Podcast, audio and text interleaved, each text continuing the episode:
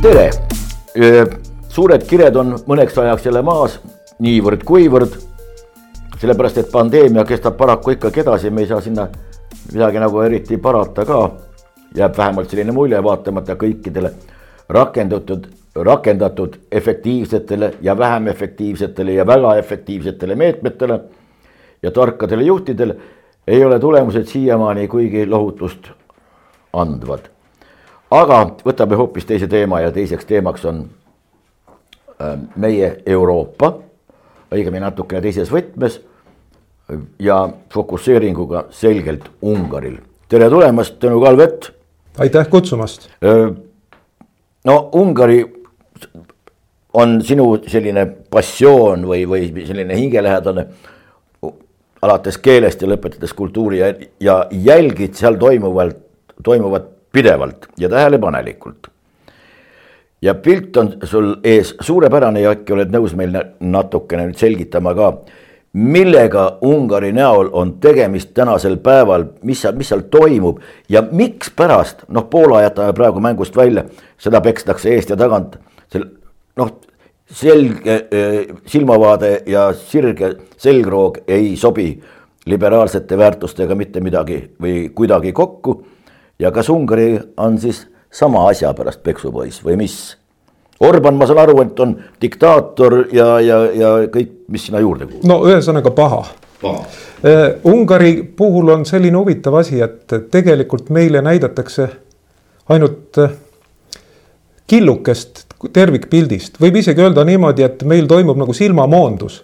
Avalikkuse tähelepanu on juhitud ainult sellele, kuidas Ungarit või siis ka Poolat tümitatakse, mille eest tümitatakse, kuidas kõik Euro. euroväärtusi ei, ei hinda, liberaalsust ei, ei armasta ja nii edasi. ja aga samal ajal toimub meie kõigi silme all, mitte salastatult, vaid täiesti avalikult üks väga huvitav protsess nimelt toimub Austria-Ungari impeeriumi sisuline taastumine või isegi mitte ainult Austria-Ungari impeeriumi, vaid selle eh, naabrite kaasamisel, sest eh, Ungari eesotsas Viktor Orbaniga on saavutanud selle, et kõik Ungari naabrid, noh, võib-olla Ukraina välja arvatud, on muutunud Ungari suurteks liitlasteks ja Visegradi riikide vahel koostöö üha tiheneb kusjuures ei ole mingi deklaratiivne koostöö, vaid see on sisuline koostöö.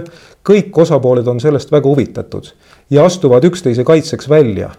ja selleks, et paremini mõista toimuvat, läheme korraks tagasi sada aastat. kui lõppes esimene maailmasõda, Austria-Ungari lagundati eriti just Ungari lagundati, temalt võeti ära seitsekümmend kolm protsenti. huvitav, kas keegi vaatajatest suudab kujutada Eestit, mis oleks seitsekümmend kolm protsenti väiksem, kui ta on praegune Eesti on viis protsenti väiksem, sest viis protsenti territooriumist on Venemaa võimu all, eks. aga kas kujutame ette, et meil oleks jäänud alles ainult Tallinn, võib-olla tükike Harjumaad ja Raplamaad ja me oleks pidanud oma riigi uuesti üles ehitama. Nonii, esimene maailmasõda lõppes, Ungarit tükeldati, tehti niimoodi, et Ungari naabrid kõik olid temaga sõjajalal. no sest nad olid saanud tema käest tüki ja nagu öeldakse, varga peas põleb müts Need, kes olid lagundanud Austria-Ungari, need arvasid, et on teinud lollikindla skeemi ja nüüd see olukord jääbki niimoodi, kunagi see piirkond enam ei ühine. teise maailmasõja eel eh, teatud osa Ungarist eh, liitus uuesti selle päris Ungari riigiga, anti tagasi Viini arbitraažidega. aga kui teine maailmasõda lõppes jällegi ja Ungarilt võeti veelgi tükke küljest ära ja siis arvati, et soh, nüüd on asi tehtud, piirkond on killustatud, ta on jõuetu. meie väljaspoolt saame seda suunata, kuidas ise tahame. aga võta näpust, viimase kümne aastaga just on see piirkond äh, väga arenenud, on tekkinud sisuline koostöö. ja kõik märgid viitavad praegu sellele, et äh, luuakse lähema kümnendi jooksul äkki väga võimas toimiv plokk. see ei pea tingimata olema vastukaaluks Euroopa Liidule. ta ei pea olema, aga kui olud sunnivad, siis on selline plokk, mis tuleb toime ise. see plokk on siis ütleme Leedust kuni Horvaatiani seda nimetatakse ka politoloogias intermaarumiks ehk nagu meredevaheline ala. ja ühendatakse omavahel transpordisüsteeme, mis tookord impeeriumi lagunemisega lõhuti. ja kõige huvitavam, et koostöö on vastastikku kasulik, mõlemad on siiralt huvitatud. majanduslikult, poliitiliselt, näiteks Serbia, kes oli aastakümneid, peaaegu sada aastat oli ungarlaste üks suuremaid vaenlasi üldse kes sai pärast Ungari lagunemist suure tüki Ungarist, on see Vojvodina või veel midagi. Serbia on praegu Ungari suurim sõber, usu või ära usu, eks ole. Nad teevad majanduskoostööd, mõlemad on Hiinaga heas läbisaamises, Hiinale nad on hädavajalikud, et Hiina kaubad jõuaksid Euroopa. ma just tahtsin küsida, mis puhul Hiinale, no siin. vaata, asi on selles Hiina tahab, et kaubad jõuaksid Euroopasse ja siis eh, Hiina ostis omal ajal, mitte väga ammu ostis ära Pireuse sadama Kreekas see ei ole, see ei ole mitte mingisugune pisikene hobi jahisadamake. ei ole, ei ole, see on üks väga kõva kaubasadam ja, ja sealt tulevad kaubad Belgradi ja Budapesti kaudu Euroopasse, Euroopa Liitu ja Äh, suure, suured kaubakogused, äh, nende jaoks on tehtud juba Jugoslaavias või Serbias oma laod, suured laod. ja on valmimas Belgradi-Budapesti raudtee, millest suure osa annab äh, ka Hiina riik. suur osa tuleb Ungari, Serbia eelarvest ja suur osa ka Euroopa Liidu eelarvest. see minu teada kuulub Euroopa Liidu tähtsasse raudteevõrgu. ja seal ei ole küsimust, mida tassima hakatakse või mida, mida seda raudteed pidi vedama hakatakse. seal, seal on kindel nõudlus ja kindlad numbrid olemas, erinevalt meie RB-st, Rail Balticust, mille kohta mitte mingisuguseid ei noh, on kellegi mingisugused udused nägemused ainult. just ja äh, mis on samuti nagu meeldejääv on või tähelepanu vääriv, on see, et kui pidada silmas, et Ungari suuremate kriitikute hulgas on olnud ka Holland. Holland on öelnud, et Ungaris on õigusriik ohus ja äh, tuleb midagi ette võtta, tuleb kasvõi peatada ungarlaste sõnaõigus. peaminister alles hiljaaegu väljendas ja, mingit äärmist pahameelt. ja, ja kõigile, kes seda kuulavad, jääb mulje, et see inimene ongi tõeliselt idealistlik. Aga vaatame asja lähemalt, milles on asi, kui Hiina kaubad tulevad äh, Euroopa Liitu Ungari kaudu, see tähendab seda, et Äh, Ungarisse jõudes, Euroopa Liitu jõudes, võetakse nendelt tollimaks ja see läheb sellesse riiki, kust, äh, kuhu siis need kaubad toodi. see tähendab, ta ei lähe enam Hollandisse, mille sadamate kaudu Hiina kaubad. Just, mille, mille kaudu olid seni tulnud, vaid läheb Ungarisse ja siis on kohe selge, kus, kust on pärit Hollandi juhtkonna idealismi puhang miks õigusriik on Ungaris ohus, eks ole. ja te, teine asi. no kurivaim kaubavood võetakse ära. no loomulikult sissetulek võetakse ära, noh rahavood suunatakse mujale, kes seda saab lubada. ja teine asi on see, et hiljuti avati ju kaheksateistkümnendal oktoobril sellel aastal avati ju Põhja-Serbias raudteeliin. õigemini tahetakse see korda teha, mis on sada viiskümmend aastat vana liin, see on Sabatka linna ehk Subotica linna ja Segedi linna vahel. ja kohal oli Viktor Orban, kohal oli Serbia president Aleksandr Vučić. ja mõlemad kiitsid koostööd, kiitsid ühiste huvide olemasolu ja, ja eh, Viktor Orban ütles seal selge sõnaga, et küsimus on milleski enamas kui lihtsalt kahe riigi heas läbisaamises. küsimus on kogu Kesk- ja Ida-Euroopa piirkonna arengus, kuidas see piirkond tuleb ise toime Ungari toetab Orbani sõnade järgi väga kõvasti Serbia liitumist Euroopa Liiduga ja äh, aga üks tähelepanuväärne asi oli, mida äh, Orban tookord ütles selle raudteelõigu äh, avamisel või käivitamisel, et kui kahe tuhande kolmekümnendaks aastaks pole Serbiat võetud Euroopa Liitu, siis on küsimus, et kas üldse sellel ongi mõtet, kas Serbial üldse ongi millegi külge liituda ja paljud ei saanud aru, et miks see, miks, miks ta niimoodi, millele ta vihjab. aga ta vihjabki sellele, et tegelikult Visegradi neliku riigid pluss naaberriigid Austria, Serbia, kes seal kõik on, on teinud viimase kümne aasta jooksul väga tihedat koostööd. et äh, luua toimiv majandusruum, selline, kus piirid oleks ainult nagu moe pärast. inimene, kes tahab elada, kes tahab äh, äri ajada, ta võib minna vabalt üle piiri, täpselt nii, nagu oli enne esimest maailmasõda. ja äh, kõige huvitavam, et kõik võimud on sellega ise päri, nad toetavad seda aga meil seda ei räägita. aga vot miks, miks me sellest ei kuule mitte midagi, meil räägitakse ainult, et diktaator Orban, Orban paha. kõikvõimalikud geiparaadid ja need, need, need on vastupidi head. vaba ajakirjandus on maha surutud Ungaris, mitte midagi seal ei ole. kolm aastat tagasi vähemalt ma käisin seal, siis küll midagi niisugust ei olnud, mida ma siit loen ja seal kohapeal nähtuna vaata, siin on kaks põhjust, üks on, nagu ütlesin, majanduslikud põhjused, eks ole. teine põhjus on see, et need, kes kritiseerivad Orbani valitsust, nad tahaks ise olla tema asemel.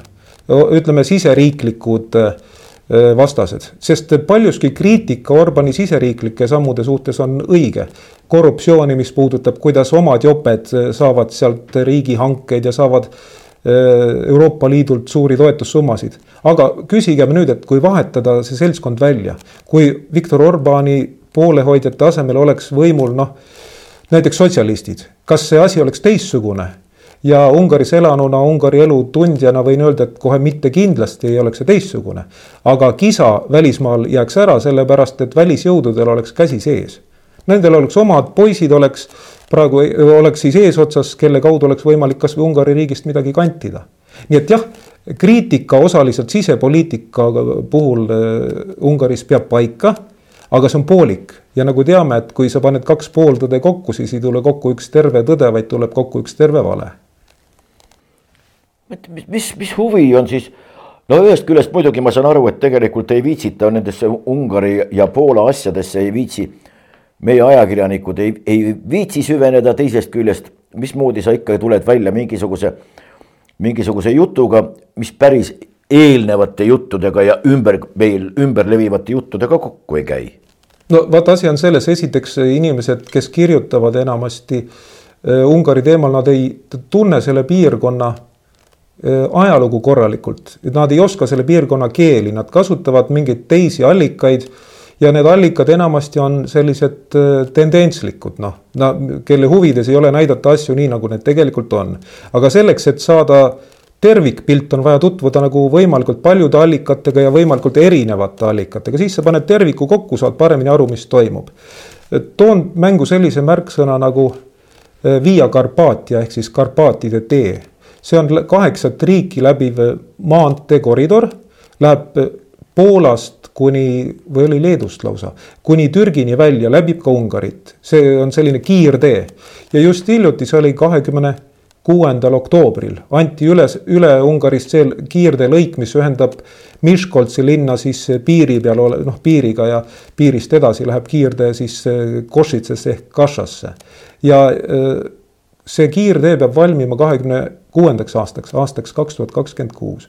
Ja samamoodi Euroopa Liit toetab seda, kohalikud riigid toetavad ja see ei ole mitte lihtsalt kiirtee, vaid see, selle mõte on, et piirkond eh, tervikuna muutuks kuidas nüüd öelda, loomulikuks tervikuks, noh.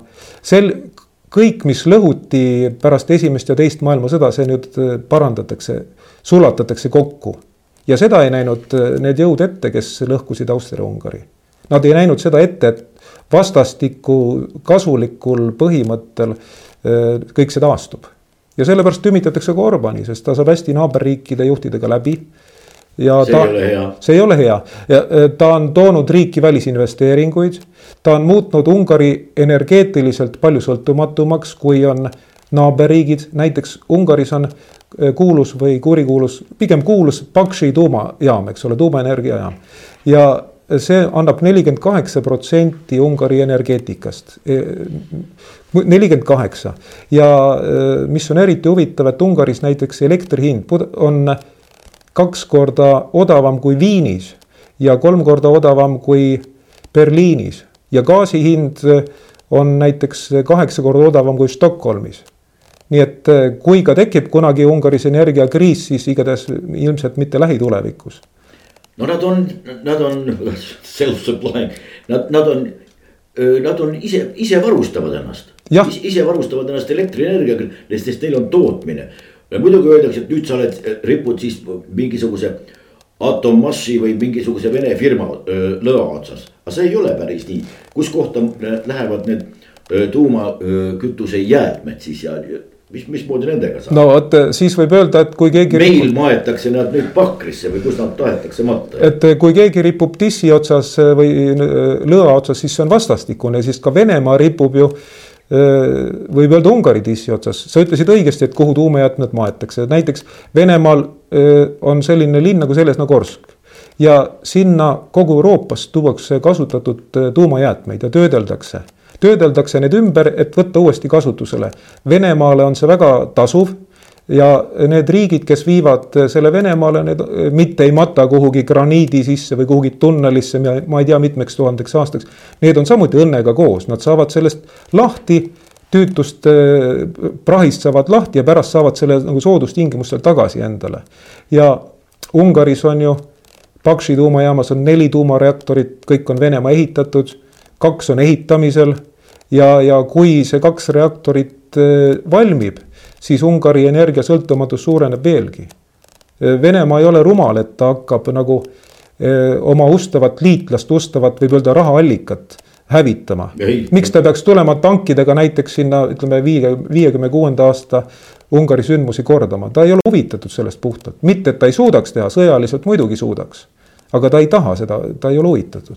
see ei tähenda, et Ungari on venemeelne, see tähendab, et Ungari praegune valitsus oskab leida liitlasi. aga see on kunst omaette. see on kunst, see ei ole lihtne. millegipärast meil, meil räägitakse küll liitlastest, aga tegelikult mõeldakse no, no ükskõik niipea kui natukene kaevad natukene sügavamalt, tuleb sealt tegelikult vasalli ja suverääni suhe välja. just nimelt ja nüüd mul meenub, mida rääkis Viktor Orban usutluses Slovakkia väljaandele Postoi tänavu suvel. Ilmus pikk usutlus temaga ja siis ta rääkis muuhulgas ka sellest, kuidas, kui ta sai esimest korda peaministriks üheksakümne kaheksandal aastal, siis võttis ühendust Helmut Kooliga ja küsis, et kuule, et et ole hea mees, anna nõu, sa oled kogenud valitsusjuht, et mina olen esimest korda kuidas ma peaksin nüüd käituma, mida peaks tegema, mida mitte tegema.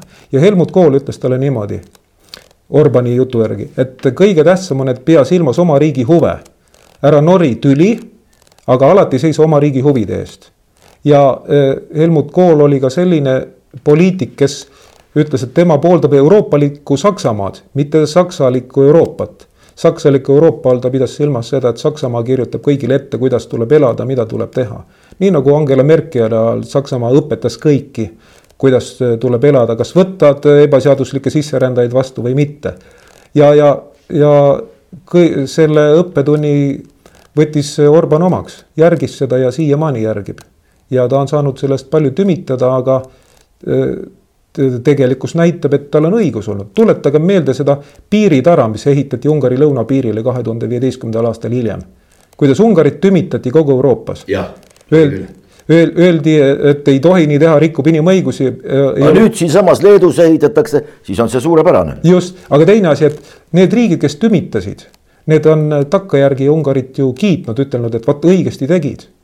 On need tema naaberriigid, muide ka Austria, Austria algul kritiseeris pärast ütles seesama äh, Austria valitsusjuht Sebastian Kurz, et väga õigesti tegid, sest tegelikkus näitas, et Orbanil oli õigus.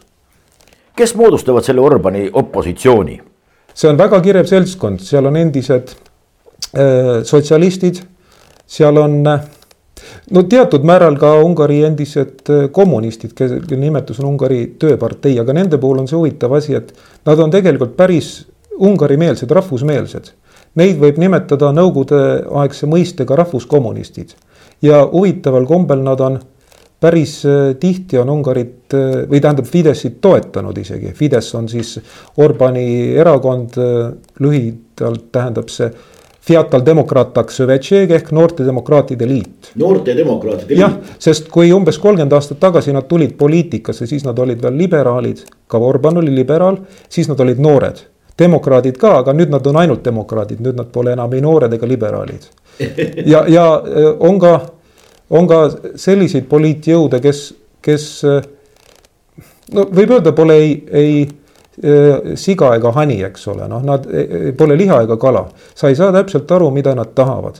Nad kritiseerivad küll, aga nendel ei ole poliitilist programmi pakkuda, midagi paremat ei ole pakkuda no aga äh, kuivõrd suurt rolli mängib noh, meil, meilgi palju kirutud ja palju räägitud ja teiselt poolt ka palju kiidetud, kellegi jaoks kiidetud loomulikult äh,. Ungari päritolu juudi rahvusest tegelikult Soros. tema roll tänapäeva Ungaris on üha väiksem äh,. tema mõju kahaneb, tal ei lasta lihtsalt tegutseda. ja, ja ei saa öelda, et see oleks mingi juudi vastasus sest ka need, kes Viktor Orbani parteid toetavad, need on ju juudid, aga need on sellised konservatiivsed juudid, on need Ungari juudid, kes elavad välismaal, on üldse välismaa juudid. näiteks äh, äh, Vik-, äh, Viktor Orbani erakonna Fides suurim liitlane Iisraelis oli ju või on siiamaani Likudi plokk, mille juht oli Benjamin Netanyahu, kes kuni tänavuse aastani oli ju Iisraeli peaminister tähendab, kui keegi süüdistab Viktor Orbani juudi vastasuses, siis juudid annavad talle hea vastulöögi kohe. hea näide oli see, vaat kui mäletada, Andres, mõni aasta tagasi kritiseeriti, öeldi, et Fidesz on kohutavalt antisemiitlik, kuna Ungaris trolli põrandal oli joonistatud Soroši pilt ja kõik inimesed kõndisid seal peal. ja siis Budapestis tegi sealne Iisraeli suursaadik ka tauniva avalduse. Aga läks väga vähe aega mööda ja siis ta palus vabandust, sest Iisraeli välisministeeriumist tuli talle noomitus, et kuule, vend, mida sa seal suust välja ajad, sa, sa pole meiega asja kooskõlastanud. ja selgus, et, et kuna Soros on Iisraeliga tülis, on ta selle Likudi plokiga tülis siis mitte mingist antisemitismist ei saa Soroši vastase kriitika puhul olla juttugi. ja just hiljuti, kas oli vähem kui nädal tagasi, Fox Newsis USA tele, telekanalis esines üks tuntumaid USA äh, juudi rabisid äh,, kes ütles samuti, et kriitika Soroši aadressil ei ole mitte mingil juhul antisemiitlik, sest Soros ise on ennast distantseerinud juudi asjast. ta on teinud nagu kõik endast olenevat mitte näida juudina, jah, juudid seda ei andesta talle, nii et sa võid kritiseerida Sorosit, see ei ole, see ei ole antisemitism. no vähemalt see niigi palju hakkas kergem natukene kuigi eks, eks siin Eestiski ju väga, väga, väga paljud inimesed sõltuvad Sorosist kõige otsesemalt tema fondidest ja, ja, ja nende käekäik on seotud just nimelt Sorosi fondidega, ma võtan avatud Eesti ja ja veel mõningaid. ja, ja ta nii ongi, sellepärast et öeldakse, et kelle leiba sööd, selle laulu laulad ja need, kes sealt fondidest on saanud toetust, enamasti peavad kiitma siis või kui ka ei taha ülistuslaulu laulda, siis peavad olema vait. kui ka mõtlevad Sorosi tegevusest e, teisiti, kui nagu ametlik liin näeb ette. aga, aga sa ütlesid õigesti me vestluse all, et suhe kipub olema nagu vasalli suhe. ja vot Ungari puhul ei ole Euroopa Liiduga suhtlemisel seda vasalli suhet. Orban on öelnud ise, et Euroopa Liit ei ole läbinisti halb, ta ei ole läbinisti hea. ta on selline nagu on, aga meie tegutseme seal oma huvides.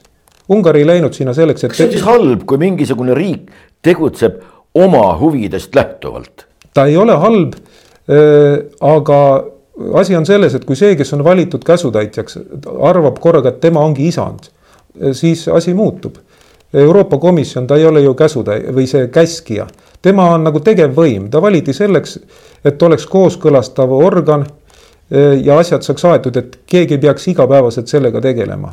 aga nüüd Euroopa Komisjon on võtnud endale pähe, et tema ongi isand, kes keelab, käseb, poob ja laseb ja teised, kes eh, räägivad nagu sellist juttu, mis ei lähe pealiiniga kokku, ei lähe nende ootustega kokku, on pahad. ja Orban samamoodi eh, on teda süüdistatud, et oi, et ta tahab viia Ungari Euroopa Liidust välja. Aga need, kes süüdistavad, mängivad sellele, et eh, osa inimesi ei tea, et Ungari on Euroopas ainukene riik, mis on ümbritsetud iseendast. see tähendab sedasama, nagu oli saate alguses juttu, et kui pärast esimest ja teist maailmasõda Ungari lagundati, siis talt võeti ära seitsekümmend kolm protsenti, kõik ütleme Austriast kuni Rumeeniani said Ungari küljest tüki. ja kui Ungari nüüd astuks Euroopa Liidust välja siis see tähendab, et ta jätaks hätta kõik need rahvuskaaslased, kes jäävad teispoole praegust piiri. ja ta kirjutaks korstnasse paljuski kõik need investeeringud, mis ta on teinud nende piirkondade ungarlaste jalule aitamiseks. sinna on läinud ikka pöörased summad noh, Austria ungarlasi võib-olla on kõige vähem toetatud, sest need on kõige paremal järjel, aga ka sinna on läinud. aga ütleme, Slovakkia, Rumeenia um,, ka Ukraina, ka Ukraina, samuti Serbia, Horvaatia Sloveenia, kõik on saanud raha, kes on saanud kooli jaoks, kes on saanud lasteaedade jaoks, raamatukogude jaoks, kultuuri jaoks, ütleme, teatrite jaoks, spordi jaoks, igale poole Ungari on sinna raha matnud.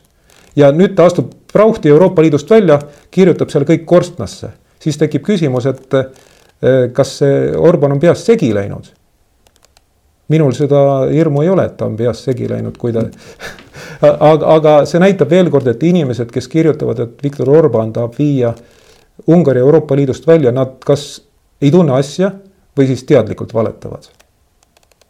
noh, võib-olla see on lihtsalt mingisugune mugav, mugav rääkida niimoodi, et, et nii on, muide, mis puudutab Ukraina, Ukrainas elavaid, elavaid ungarlasi, siis Need, need suhted on päris teravaks läinud nende kahe riigi vahel, sellepärast et no Ukrainas ei tunnistata ametlikult mitte mingeid muid keeli. Seal on küll vähemusrahvaste keelest, keeltest on midagi räägitud, vene keel muide nende hulka ei kuulu, ei ole üldse mingisugune keel, kuigi kaks kolmandikku Ukraina territooriumil, praeguse Ukraina territooriumil elavatest inimestest emakeelena just nimelt vene keelt kõnelevadki. aga ungarlased on täpselt samamoodi, ei ole siin mingit ungari keelt, sisuliselt on asi niimoodi. ei, täitsa äh, nõus ja see ongi pingestanud Ungari-Ukraina suhteid yeah., sest Ungari valitsus ei lepi sellega. korduvalt on öeldud, et lõpetage meie tasalülitamine seal. ja Ukraina, Ukraina rõhub praegu sellele, et kuna ta on nagu Venemaa rünnaku all, siis ta peab olema, ta on nagu meie, meie oma, eks ole, meie inimene. me peame teda kaitsma, me ole, peame olema täiesti kriitikavabad kõige suhtes, mis ta teeb. Aga vot ungarlased ei lepi sellega, seda enam, et kui seal oli nagu aktiivsem relvategevus, sõjategevus idarindel Ukrainas, siis saadeti sinna sõdima ka Taga-Karpaatia ungarlasi, kes eh, ka hukkusid. ungarlaste jaoks on täiesti võõras sõda.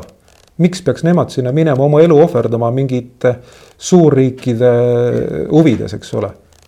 ja, ja üks asi, mida tuleb meeles pidada, on see, et et äh, lisaks ungarlastele on ju Taga-Karpaatia põliselanikeks russiinid, russiinid., keda on vägisi tahetud ukrainastada, aga ametlikult nad ongi ukrainlased, aga ise nad seda ei tunnista. esimene suur ukrainiseerimise laine, ma mäletan äh, Ukraina ajaloost oli kahekümnendatel, pärast tuhande üheksasaja kahekümnendaid, kus äh, kõige suuremad ukrainiseerijad nii-öelda, noh, nad pidi, põhjusi oli hästi palju, miks seda tehti, on Lazar Kaganov, Kaganovitš ja Laz-, Lazar Judilevitš olid kõige suuremad ukrainiseerijad, nii et noh, selline, selline fakt ajaloost, aga nüüd on see, nüüd on see teine laine omakorda.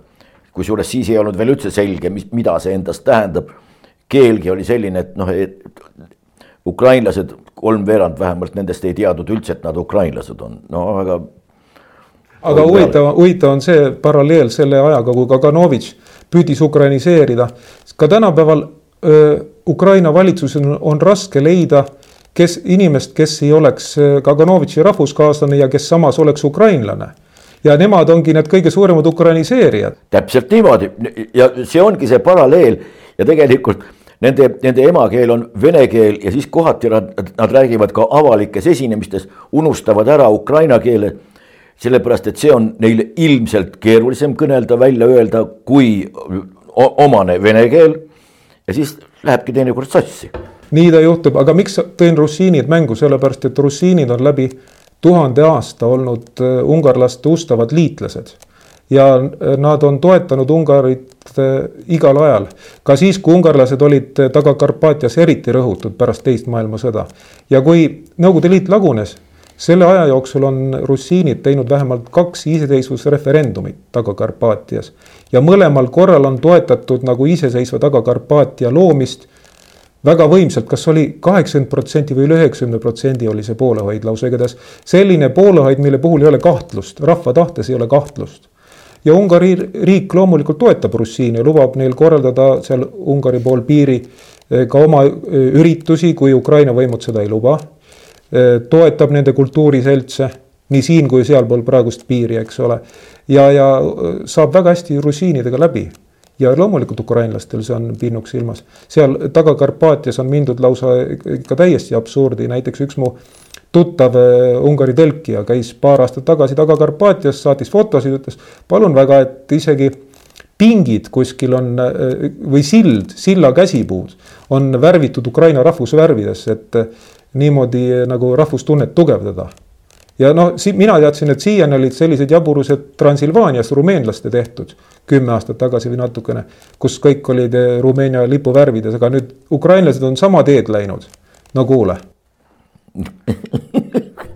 see, see on huvitav, eh, huvitav kant igal juhul seiklustest ja, ja pingetest puudust ei ole ja noh, ka igasugustest üleväänamistest meie, meie arusaamise järgi, no kuula ainult ja imesta. meil tasub jälgida seda, mis seal toimub, sest ütleme, et lähema kümnendi jooksul see piirkond võib omandada väga suure mõjukuse Euroopa Liidus. see, seda mööda, kuidas Euroopa lääneosa nõrgeneb islamistide sissetungi tõttu, sedamööda tõuseb Kesk- ja Ida-Euroopa tähtsus. nii et pangem vaim selleks valmis, näiteks õppigem sealseid keeli, see kulub igal juhul ära kui hakata näiteks täna juba tegelema sellega, siis juba hiljemalt kuue-seitsme aasta pärast võib sellest eh, kasu lõigata noh, praegu inimene mõtleb kuus-seitse aastat, no mis asja, noh, see on nii pikk aeg, mida sinna nii pikalt ette pole vaja midagi mõelda. aga kas selline tendents või selline võimalus on ka olemas, et Austria-Ungari riigina üks päev jälle püsti on? ja Habsburg, Orban. Ei, ei, seda ei ole, seda, kus on räägitud, et Orban soovib saada ise kuningaks, need on lihtsalt laimujutud. isegi kui ta lapsena võib-olla soovis siis ta on äh, reaalpoliitik ja ta saab aru, et see oleks naeruväärne.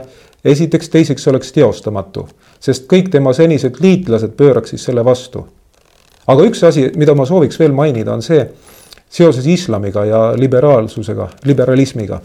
Äh, Orbani on süüdistatud selles, et ta on nii islami kui ka liberalismi vastane ja on öeldud, et tema oli nagu esimene, kes selle trummi tõi, hakkas seda taguma. aga kui fakte vaadata, siis Slovakki poliitik Jaan Tšarnogurski juba aastal tuhat üheksasada üheksakümmend üks New Yorgis eh, peaministrina esinedes eh, kõnes ütles, et kui kommunism on lagunenud, siis meie suurimaks vaenlaseks kujuneb liberalism. Orban ütles sedasama alles aastal kaks tuhat neliteist, et kolmteist aastat olid vahet aga Tšernogorskit ei võetud kuulda, sest inimesed tookord ei saanud sellest aru.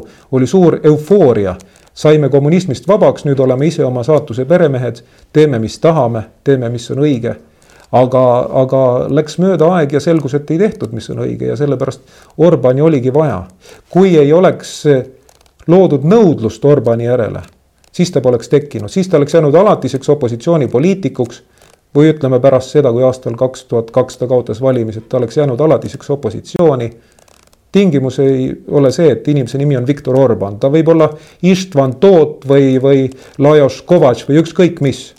aga tähtis on, et leidus sobiv inimene sobiva rolli täitmiseks. seda oleks võinud kasvõi sina või, või mina täita, eks ole, kujundlikult öeldes, aga keegi pidi seda tegema sest äh, see oli vajalik äh, mitte ainult Ungari rahvuse ellujäämiseks, see on vajalik kogu piirkonna ellujäämiseks. kas need pinged on nüüd Eesti ja Ungari vahelt maha võetud, mis siin vahepeal olid üleval, et suisa saatkonnad pandi kinni ja, ja likvideeriti ja kõik ja? ja need pinged on maha võetud, jäi selline mulje, vähemalt Ungari poolega suheldes on jäänud selline mulje, et Ungari pool ka ise tegelikult häbeneb seda.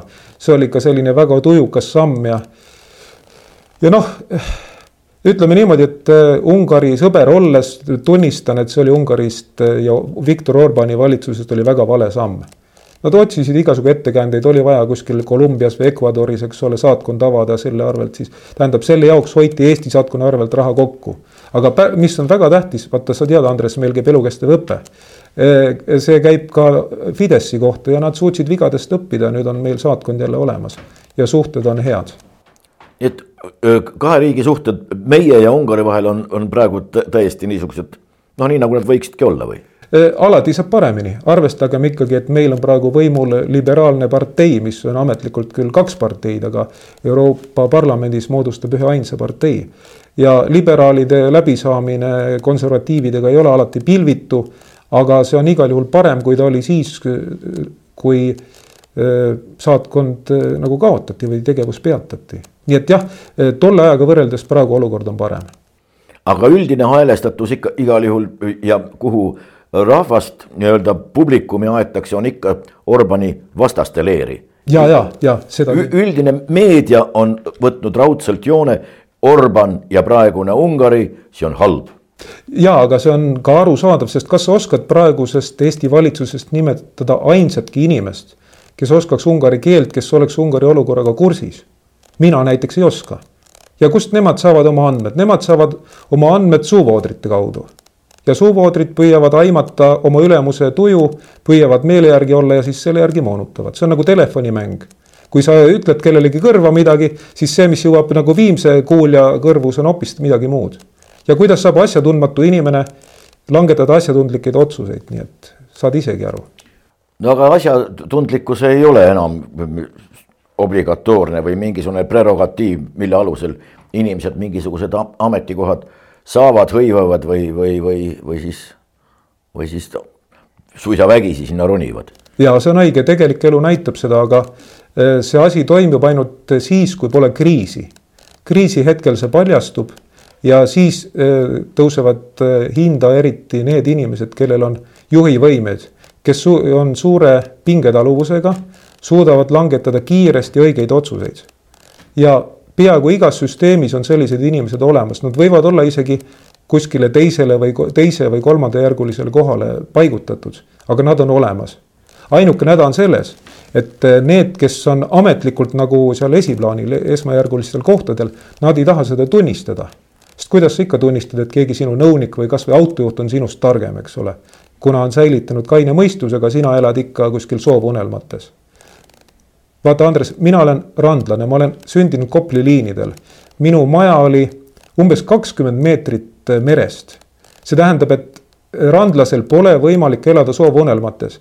kui sa ei arvesta sügistormidega, siis su, su kuur on läinud, eks ole, sul on asjad sealt õuest läinud kõik. kui sa ei varu endale kütet, siis sul läheb ikka väga karmiks elu.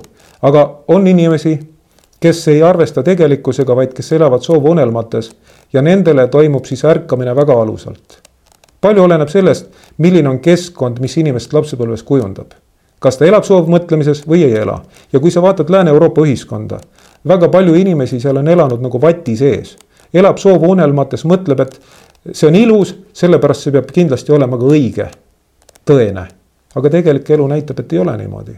sellepärast Euroopa Liit ongi seal omadega, kus ta on mul on jäänud selline mulje, mul ei ole praegu ühtegi fakti enda, enda noh, väljaütlemise toestamiseks ega ka tõestamiseks, aga mulle tundub, et sellest agooniast Lääne-Euroopa saab ka ise aru kuidagimoodi ja, ja toimub mingisugune niisugune noh, visklemine või, või, või siis mingisugune sebimine, et igal juhul kas seda agooniat pikendada või siis teha nägu, et kõik on korras ma mõtlen üleüldist seda Untergangi ehk allakäiku jah, see su mulje on ilmselt õige, sellepärast et asi jätab tõesti tõmblemise mulje.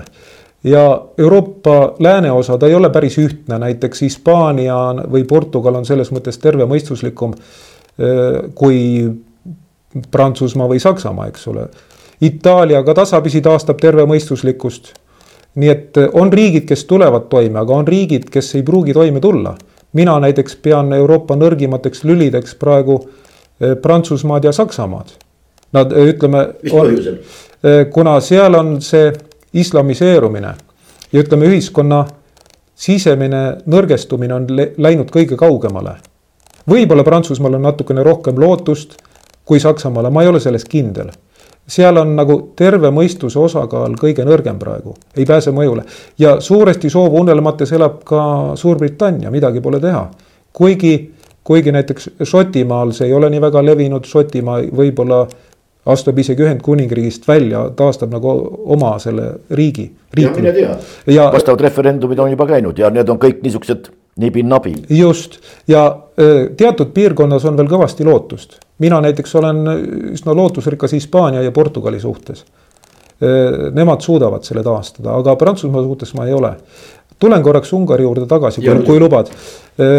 täpsemalt Visegradi neliku juurde on räägitud, et Saksamaa ei arvesta Visegradi riikidega, aga kui ta võib-olla ei arvesta nendega eraldi püüab ennast mõelda nagu nendest äh, tugevamaks, mõjukamaks. aga kui sa vaatad näiteks kaubakäivet, siis äh, Saksamaa äh, kaubakäive Visegradi riikidega, nelja riigiga, on kaks korda suurem kui kaubakäive Prantsusmaaga ja kolm korda suurem kui kaubakäive Itaaliaga.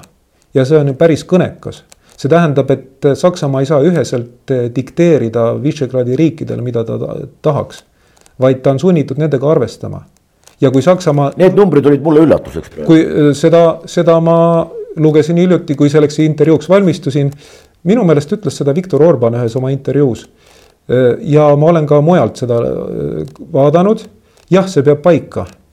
nii et see näitab veel kord, et tegemist Kesk- ja Ida-Euroopa puhul on piirkonnaga, kellega tuleb arvestada. Lääne-Euroopal ja noh, meie lääne sõpradel ka. aga miks me ei, miks me ei loe seda mitte, mitte ühestki nii suurest ajalehest, miks me ei näe seda Rahvusringhäälingu uudistesaadetest või mingitest analüütikasaadetest. Neid on ju igasuguseid kõikvõimalikke programme, saateid mitte kuskil me mitte midagi taolist ei kuule. vot äh, põhjus on jällegi nagu Le selles, nagu Lenin ütles, kaadrid otsustavad kõik. tähendab, kui on asjatundlikud inimesed, nad kajastavad seda, kui ei ole, siis ei kajasta. Eesti ajakirjaniku hulgas minu teada on üks erand, see on Krister Paris. Tema puhul ei saa öelda seda, et ta ei tunne asja ta oskab hästi tšehhi keelt, slovaki keelt, orienteerub selles piirkonnas väga hästi, ta on seal elanud, tunneb inimesi, tal on hea tutvusvõrgustik aga tema puhul on jälle see, et ta ise valib, mida ja kuidas esitada. tema puhul ei ole seda hirmu, et ta ei tunne asja. kuigi ta ungari keelt minu teada ei oska, aga ta vajadusel saab vajaliku õige info kätte ka Ungari kohta. aga teiste ajakirjanike kohta võib öelda, et kuna nad ei oska keeli, selle piirkonna keeli, ütleme Tšehhi, Slovaki, Poola, Ungari keelt nad ei saa õiget infot kätte, saavad ainult läbi, läbi selle telefonimängu ja üle oma varju ei hüppa, nagu öeldakse, sa ei saa nendelt inimestelt oodata paremat esitust, kui nad siiani on teinud. selleks tuleks nad välja vahetada, aga seda jälle ei taheta, siis tuleb jälle Töötukassale tööd juurde, noh. nii ongi.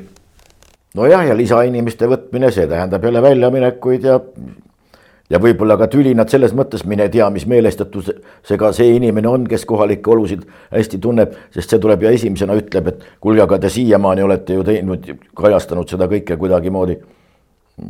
Niimoodi, mis ei ole õige olnud, no kuule, ma ei taha niisugust inimest sinna. See äh, loomulikult. Ja teine asi, mida tuleb silmas pidada, on see, et tänapäeva ajakirjandus enam ei, tema sissetulek ei olene sellest, kui hästi ta äh, tööd teeb. kui ta on erakapitalil põhinev ajakirjandus, siis ta sissetulek tuleb põhiliselt reklaamist. kui ta on näiteks Rahvusringhääling, siis tema sissetulek tuleb maksumaksja rahast see tähendab, et sealsed ajakirjanikud ise tihtipeale pole huvitatud sellest. Nende töö kvaliteedist ei sõltu see, milline on nende sissetulek, see on igal juhul tagatud. ja kui nad saavad oma ülemusega, saavad tööandjaga hästi läbi, siis palk jookseb. aga siin on võtmesõna läbisaamine. no läbisaamine jah omad joped on paigutatud igale poole, see on seesama asi, mida kritiseeritakse Ungaris Viktor Orbani puhul. Jah, tõepoolest, tema on paigutanud omad jopad igale poole, on see riigikontroll, kontrolli etteotsa, on see peaprokuratuuri etteotsa, eh, riigipanga etteotsa, eks ole, aga Eestis on sama asi. lihtsalt märk on teine, plussi asemel on miinus või miinuse asemel pluss. tähendab, kui Eestis see toimib ja on hea, siis kui Ungaris toimib ja on valed inimesed, siis see on halb selline on see seletus nagu asi. no see on umbes sama, et e-valimised Venemaal on halb Eestis e-valimised, see on hea. just, näed, kui lihtne, tuleb ainult tulla siiapoole Narva jõge ja kõik muutub heaks tore, lõpetuseks veel nii palju, kui kindlalt istub Orban äh, praegu pukis nii-öelda? ta istub pukis kindlamalt, kui opositsioonil meeldiks arvata. sest äh, kuigi talle leiti ühiskandidaat, äh, vastaskandidaat, äh, kes on ka konservatiiv Peeter Marki Zai on ta nimi, kui õigesti mäletan. linnapea, Hoodmäe Vašarhäi linnapea. aga kui see uus ühiskandidaat on lubanud, et tema võtab kasutusele euro ja, ja ta on lubanud olla leplikum ka näiteks nii-öelda seksuaalvähemuste suhtes, samuti ebaseaduslike sisserändajate suhtes siis on selge, et äh, sellist toetust, nagu on praegu Orbanil, ei saavuta Ungaris isegi ühinenud opositsioon. sest äh, olgu, mis on, olgu selle äh, Orbani korruptsiooniga, kuidas on, aga rõhuv enamus Ungari kodanikke ei taha mitte mingisuguseid ebaseaduslikke sisserändajaid sinna nii et selleks, et opositsioon suudaks Orbani kukutada, ta peab mõtlema välja midagi muud. see on esimene. üks, oletame hetkeks, et tal õnnestub Orban kukutada, Fidesz kukutada võimult. aga kui läheb võimu jagamiseks, siis läheb seal selliseks kismaks, et, et see valitsus ei püsi lihtsalt, sest seal on igasugu karvased sulelised on ühinenud, neid ainukene, mis neid ühendab, ongi Fideszi vastasus. aga kui nad on jõudnud küna juurde, vaata seal läheb kismaks ja ma ei usu, et selline valitsus püsiks ühtegi aastat sest äh, sotsialistid, kes on kõige võimsam jõud praegu, need hakkavad nõudma endale nagu erikohtlemist, aga teised ei ole sellega nõus. aga ilma teisteta poleks see ühinenud opositsioon saavutanud sel juhul enamust. nii et äh, juba praegu ühinenud opositsioonimeelsed äh, vaatlejad ütlevad, et, et Fidesil on kõik võimalused ka näiteks valimiskaotuse korral muuta oma vastaste elu põrguks. Kõik ressursid on hetkel Fidesi käes või suurem osa ressursse. nii et opositsioonil tuleb midagi muud välja mõelda, et Orban ja Fides kukutada. selge, jälg-, nagu me ikka tavaliselt oleme harjunud ütlema, jälgime arenguid ja Tõnu Kalvet suur,, suur-suur tänu tulemast, aitäh. tulen teinekord hea meelega, aitäh kutsumast